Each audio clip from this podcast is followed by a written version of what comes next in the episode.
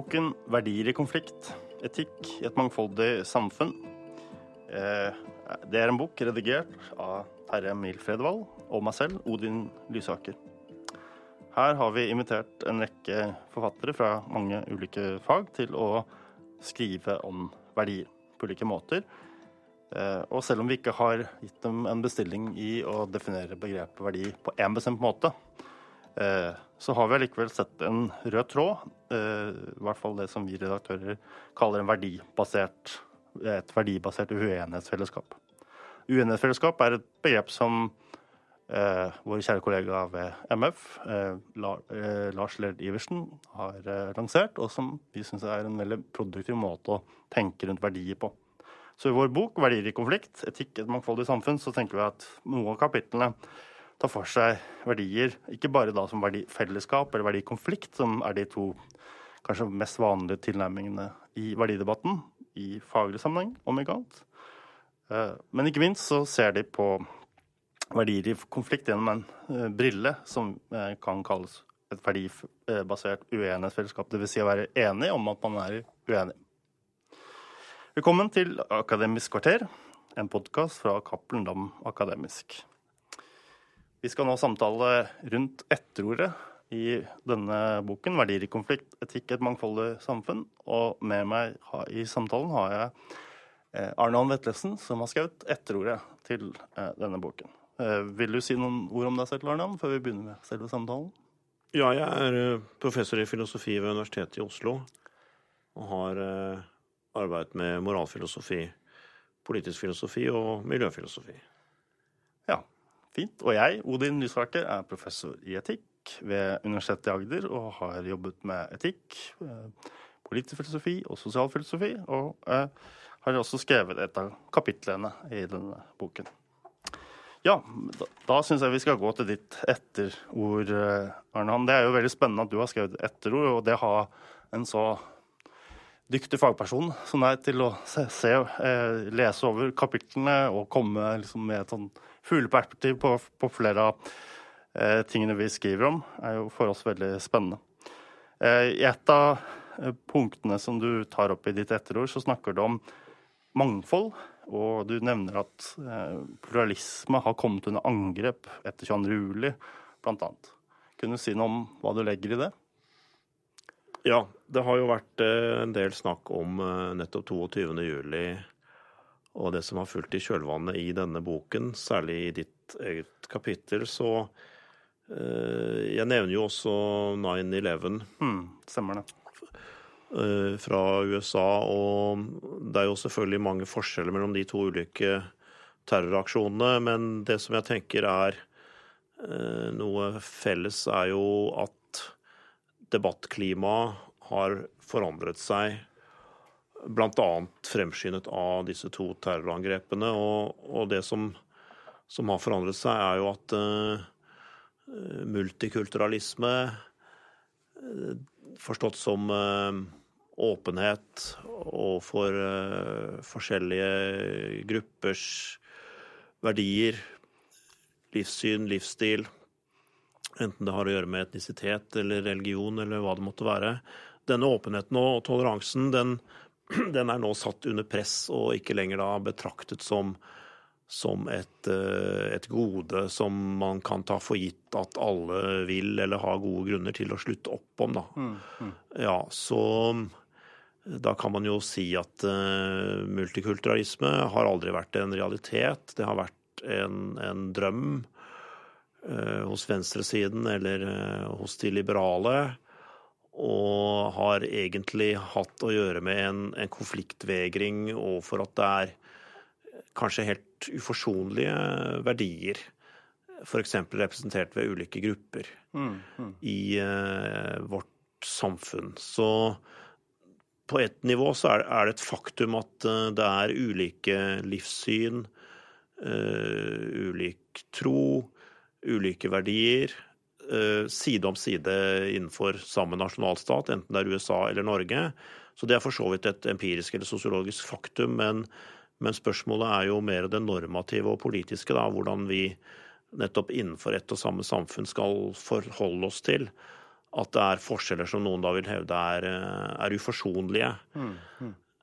Ja, så eh, Det har jo skjedd veldig mye med, med dette debattklimaet, og eh, en ting er jo om, eh, om det går an å si at, at noen livssyn eller noen verdier er feil.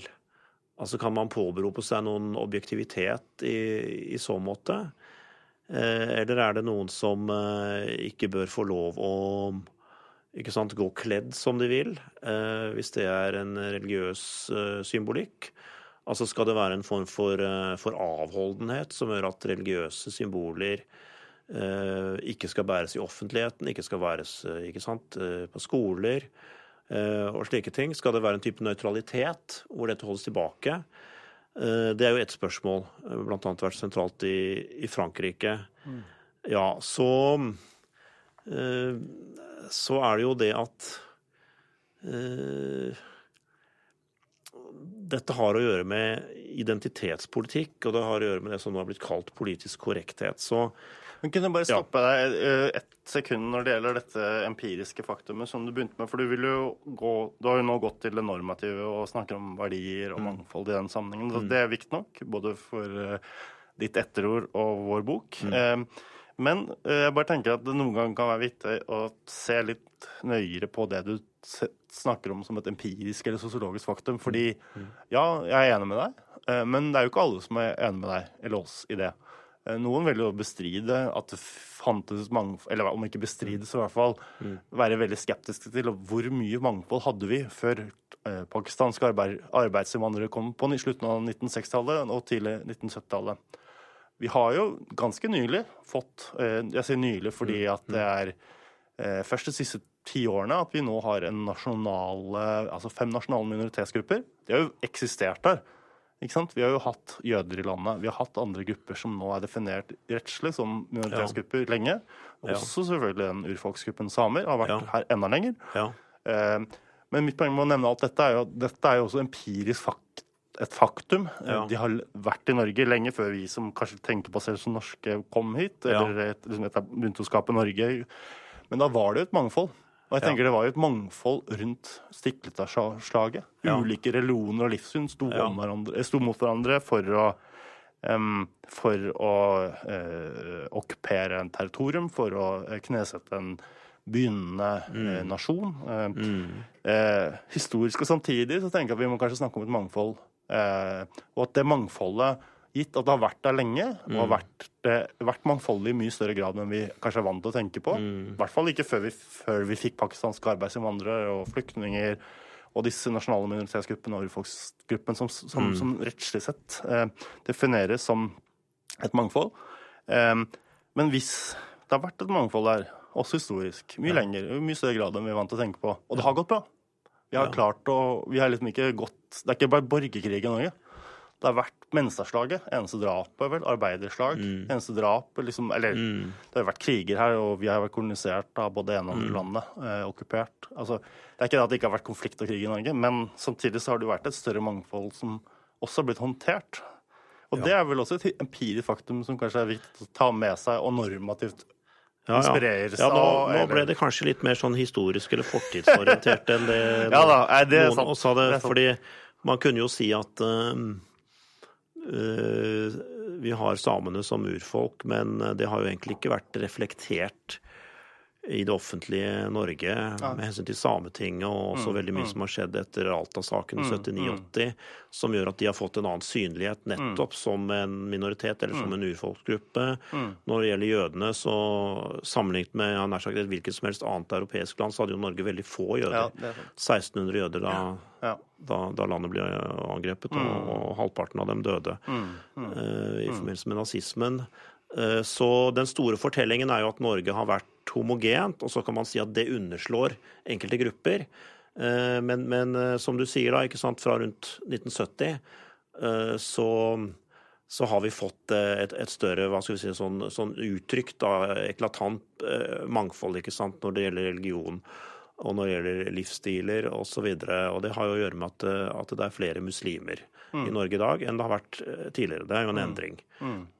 Ja, så det, det, vi snakker om da, det er jo hvordan dette har blitt uh, håndtert. da, det, det, jeg skulle si noe om, ikke sant, det var jo dette med multikulturalisme, pluralisme mm. og identitetspolitikk. Mm, mm. Uh, og et spørsmål er jo er, er liksom en, et land, en nasjonalstat, er det avhengig av en slags, slags minste felles multiplum?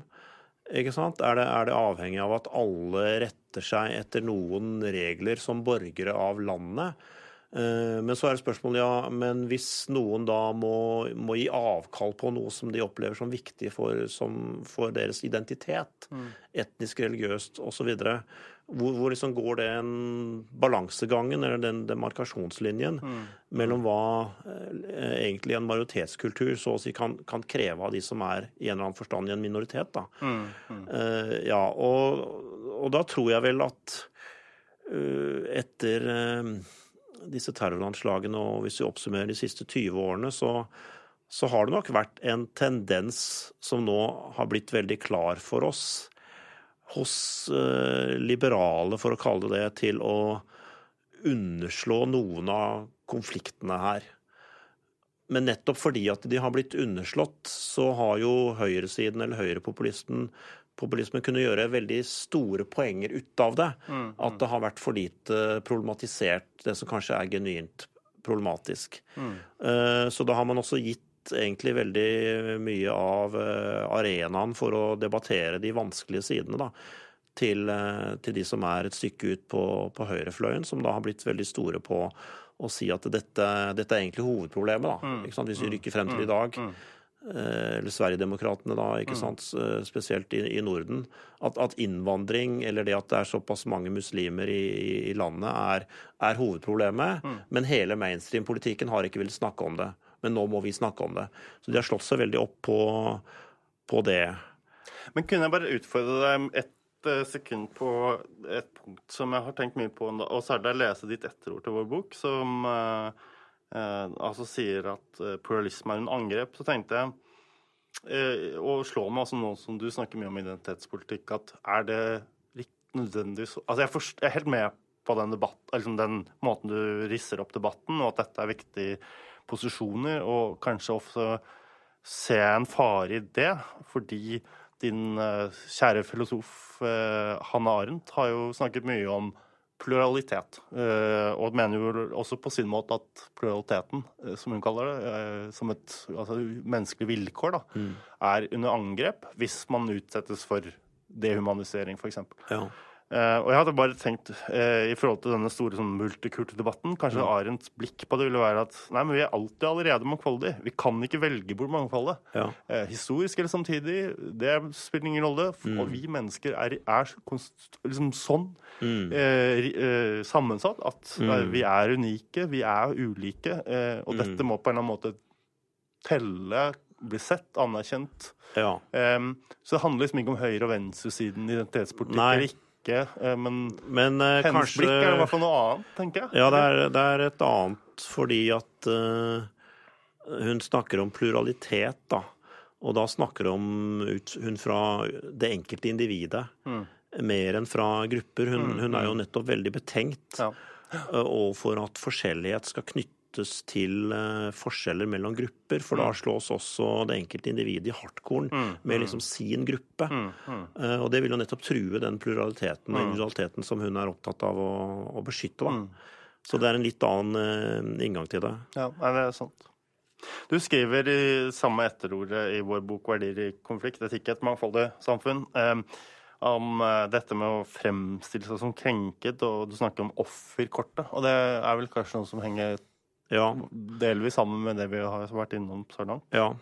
Kunne du si litt mer om hva du legger i det, eller du, hvilke tanker du har rundt dette med å fremstille som krenket? Hvem er det som fremstiller seg overfor hvem, eller hvilke mm. sammenheng? Hva, er det du har i bakhodet der? Nei, det er jo de som uh, kanskje får høre at det er noe problematisk ved det som uttrykker uh, en gruppeidentitet, da. Mm. Uh, det kan være i, i, klesveien i forbindelse med religion. Mm. Eller det kan være også, apropos 22. juli, ikke sant, at eh, de som er berørt da, mm. av en eh, hendelse, her en terroraksjon, eh, trekker eh, offerkortet. Altså at det blir en, en, en moralsk tvilsom utnyttelse. Eh, jeg tilhører en gruppe som eh, enten da historisk har vært undertrykket og marginalisert, og er liksom ekstra sårbar. Uh, Pga. det, og det må tas hensyn til. Mm. Uh, eller, eller, jeg uttrykker en erfaring da, ikke mm. sant, som overlevende, mm. som, som, eh, den store majoriteten av gode grunner ikke, ikke kan dele, da, og, mm. og aldri kan eh, liksom ligne ut. Eh, men det kritiske i dette er jo at det, dette ikke skal da liksom manipuleres, utnyttes som en, som en type fordel. Da. Så, ja. Men det som jeg vil spørre om da, og som, dette er bare et spørsmål som jeg stiller alle som tar opp det poenget, som jeg syns er veldig interessant og viktig f.eks. i debatten rundt ytringsfrihet. Um, og det er hvem er det som har sagt at nå skal min subjektive opplevelse av å bli krenket, som muslim eller hva det skulle være, eh, nå skal den få trumf i demokratiet og i debatt, offentlig debatten. Er det noen som har sagt at nå skal denne opplevelsen være siste ord i saken? For Man kunne jo så tenke det som et mm. slags sånn hamasiansk eh, demokrati, ikke sant? Mm. hvor det er en sånn sirkel. sirkel da. Ja. Eh, altså Ting går eh, sirkulært. altså Vi, vi sluser eh, meninger og ytringer ut ja. i offentlig rom. Ja. Og så kan vi samtale dette, og så kan vi kritisere hverandre. Eh, slik at det at noen setter ord på en subjektiv opplevelse, ja. blir mer en sånn alarm. Hei, nå ja.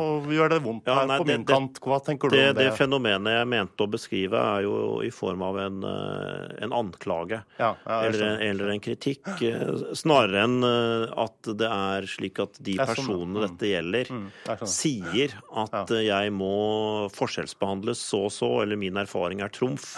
For da får du jo den type fordel da, ut av det. Men da blir det jo problematisk, tenker jeg, hvis det er, hvis det er sånn at noen bruker det retorisk og ja. mener at liksom, det finnes noen der ute som ja. uh, sier at 'jeg er nå krenket så til de grader at ja. ikke jeg kan snakke med Dere kan ikke snakke mer uh, Beskrive meg mm. eller ytre dere om meg mm. på denne måten. Mm. Hvis det faktisk er noen som mener det, og noen andre bruker henviser til det som et faktum, og det ikke er et faktum, da blir jo veldig Hvordan, hvordan går det med offentlig ordskifte da? Nei, det blir veldig vanskelig, og det er jo også den mekanismen i det at mm. uh, da vil den ene parten her si det at uh, hun eller han uh, er ikke mottakelig for, for vår kritikk. Mm.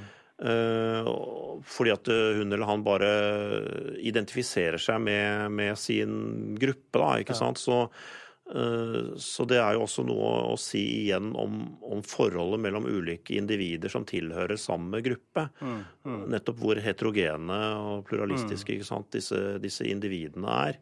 Mm. Eh, men, men det, det, kommer nå i, i bakgrunnen. Da. Så det er, jo, det er jo mye gruppetenkning, og det har jo også å gjøre med noe vi egentlig ikke har snakket om. Altså Apropos følelser. ikke sant? Frykt. Um, ikke sant? Liberalism of fear. Judith Sklar. Altså mm. uh, hvis, hvis, frykt og, og mistillit, da, som jo, jo snakker en del om nå, blir noe som slår rot i et samfunn, f.eks.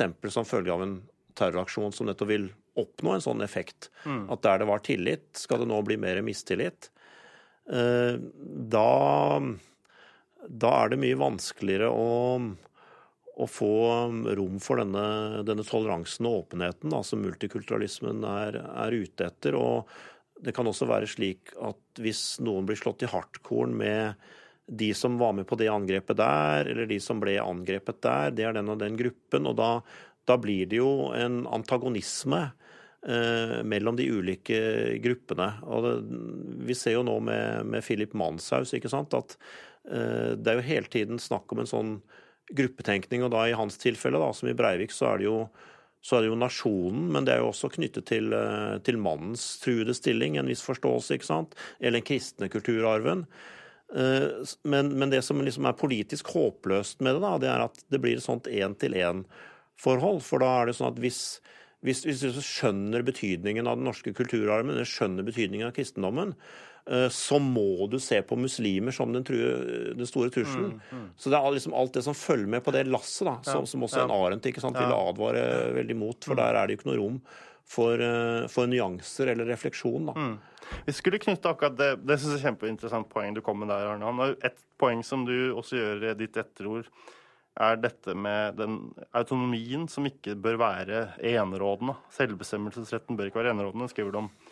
Eh, Det er litt annen sammenheng du kom med den uttalelsen, men jeg tenkte bare å bry, knytte det an til det vi akkurat vi snakker om her nå. For jeg bare tenker at uh, det å være autonom, det å være fri til å ta selvstendige valg, det er jo ikke sikkert alle er det. Uh, Nei. Uh, Vi må jo sosialiseres. Ja. Vi må ikke minst få pupp av mor, og vi må få omsorg av Ja. voksne rundt oss Ja. i, i, når vi er nyfødte osv. Så, videre. Ja. så det er veldig mange ting som gjør at vi kanskje kan bli autonome Ja. på sikt. Og vi kan være mer eller mindre i Ja. gjennom. Vi kan være syke, vi kan bli gamle osv. osv. Ja. Men når det er sagt, så tenker jeg liksom det som ligger til grunn for den det perspektivet som du kommer med der, er jo et menneskesyn. Og det menneskesynet er litt annerledes tenker jeg, enn det menneskesynet som kanskje dominerer den debatten som vi er Ja. inne i nå. Fordi menneskesynet jeg tenker på da, er jo tanken om at vi mennesker er grunnleggende sett sårbare. Ja. Alle er sårbare, alle er krenkbare. Det er ikke bare minoritetsgrupper eller Ja. noen som kommer med offerkortet som er krenkbare. Mm. Eller, og hvis man er krenkbar, så må man jo på en eller annen måte være sårbar. tenker jeg. Ja. Og um, jeg vet ikke om du har noe Altså i den uh, ytringsfrihetskommisjonen, den nye som kommer, uh, så var jo da ut, eh, forslaget til mandat for den eh, nye kommisjonen var jo nettopp at man skulle se på de såkalte lettkrenkbare. Ja. Eh, og empirisk sett så er det jo mange samfunnsforskere som mener at det er sånn at minoritetsgrupper har mindre mulighet for å komme til orde i offentlig rom. Ja. Eh, av mange ulike grunner. Ja. Men, eh, eh, og da kan man jo, Hvis man da snakker om noen som er lett, mest, de mest lettkrenkbare, og det muligens da adresseres i retning eh, noen minoriteter, Ja. så er det jo problematisk rent empirisk, for da har man jo ikke tatt høyde for den forskningen som fins i forhold til asymmetrien da, mellom hvem som har større mulighet til å, komme til orde fremfor andre som eh, ikke har det. Men det viktige her med tanke på menneskesyn og sårbarhet er jo at hvis alle er sårbare, og alle kan krenkes, så er vi jo alle de mest lettkrenkbare. Også i sånne diskusjoner om ytringsfrihet. Ja. og- som vi sa- ja, men det er ikke alle som vil uh, erkjenne sin Ja. egen sårbarhet i så måte. Så Hvorfor det det, som jeg er ja, det- kritisk til her, og det, det er jo viktig å bringe dette opp, da. Det er jo som du sier, eh, på et litt annet nivå enn det vi har snakket Mm, om mm, tidligere. mm. For så langt jeg har snakket nå tidligere, så kan det høres ut som jeg også abonnerer på på en sånn eh, liberal eh, forståelse av eh, enkeltindividet med hensyn til autonomi og, og, og alle de verdiene som i og for seg er, er helt utmerket som verdier betraktet. Men, Mm. men det som kommer inn her, da, Mm. det er at jeg tenker at autonomiidealet forstått som den enkeltes eh, både rett og forventede evne da, Mm. til å utfolde selvbestemmelse som myndig, uavhengig voksen borger, Mm. at det er eh, et, eh, et forfeilet ideal, i hvert fall når det blir for enerådende, da, eller blir trumf, som jeg sier. Mm. Mm. Fordi at én ting er at ikke alle kan utfolde den autonomien. Altså vi kan jo, ikke sant, En ting er liksom psykisk utviklingshemmede, altså det, det er forskjellige evner da, som ikke er tilstrekkelig eh, på plass eller utviklet til, til at eh, alle kan se konsekvensen av sine egne valg og, og ta et opplyst ansvar på den måten. Mm. Det er én ting. Eh, Men, men det er jo også, som du er inne på, dette universelle, da, eh, som jeg er ute etter med at vi er jo alle sårbare. Eh, Og det er jo ikke det at vi kommer inn i verden avhengige, og så blir vi etter hvert uavhengige, og, og, og vi mestrer og alt dette. Så jeg tenker det er noe forfeilet ved, ved selve den forståelsen, eh, som da er forfeilet på vegne av oss alle. Så uh, hvis, hvis individer enten mangler eller av grunner som inntreffer, taper evne til autonomi, så er mitt poeng at eh, det tapet av eh, evne til å utfolde autonomi, det skal ikke være noe tap av verdighet. Så, Mm, mm, så det som gir oss verdighet, det må legges til noe annet, og gjerne om du vil dypere Mm. enn evne til å utfolde autonomi. Mm. Ja. Interessant. Dere har nå hørt en episode av Akademisk kvarter. En podkast av Cappelen Dam Akademisk. Boken 'Verdier i konflikt etikk et mangfoldig samfunn' kan lastes ned gratis på cda.no.